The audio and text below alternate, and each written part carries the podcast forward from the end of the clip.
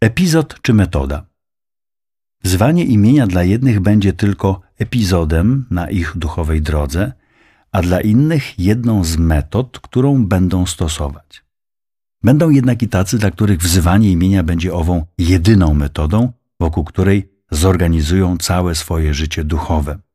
Próba podjęcia arbitralnej czy kapryśnej decyzji, że można nas zaklasyfikować do trzeciej grupy, byłaby równoznaczna z rozpoczęciem budowy, której upadek byłby wielki. Modlitwy Jezusowej się nie wybiera.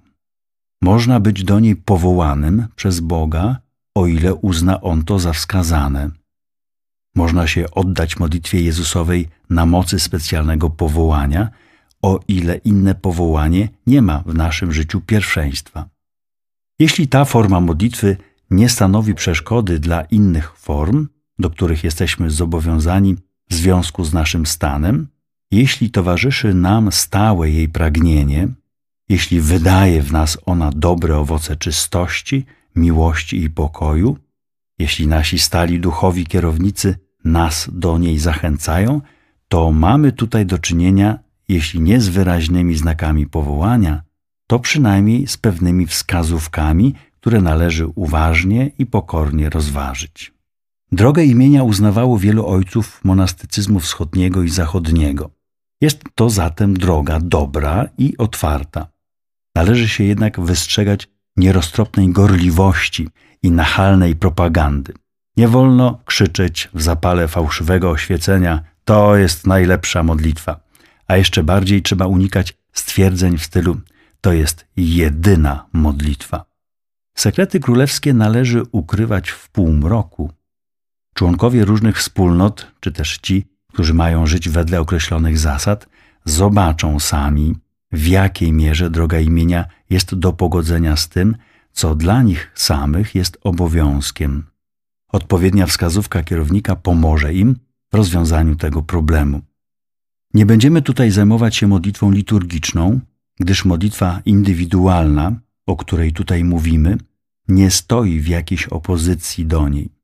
W żadnym wypadku nie sugerujemy tutaj tym, którzy trwają w głębokim modlitewnym dialogu z Bogiem, albo tym, których modlitwa jest wielkim stanem milczenia, aby porzuciwszy dotychczasową praktykę, podjęli się modlitwy Jezusowej.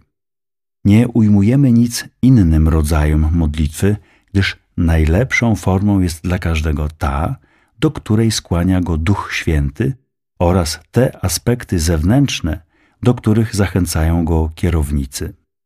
To, co chcemy z pewnym umiarkowaniem powiedzieć na korzyść modlitwy Jezusowej, choć jest to opinia bez wątpienia prawdziwa, to fakt, że jej praktyka pomaga w uproszczeniu i zintegrowaniu naszego życia duchowego. O ile zatem skomplikowane metody rozpraszają i ostatecznie prowadzą do zmęczenia, modlitwa oparta na jednym słowie może pomóc w ujednoliceniu i scaleniu duszy, której grzechów jest cały legion. Imię Jezusa staje się ogniskiem życia, źródłem życia. Powoli imię to przenika wszędzie i uświęca wszystko. Nie można jednak sądzić, że przyzywanie imienia jest jakąś ścieżką na skróty, która zwalniałaby od ascetycznego wysiłku i konieczności oczyszczenia.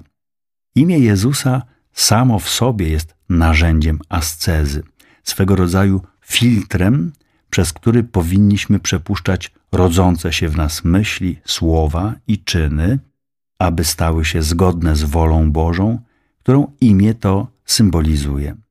Gdy imię to jednoczy się z naszą duszą, powoduje, że umiera nasze fałszywe ja, że zamiera w nas egoizm, który jest źródłem wszelkiego grzechu.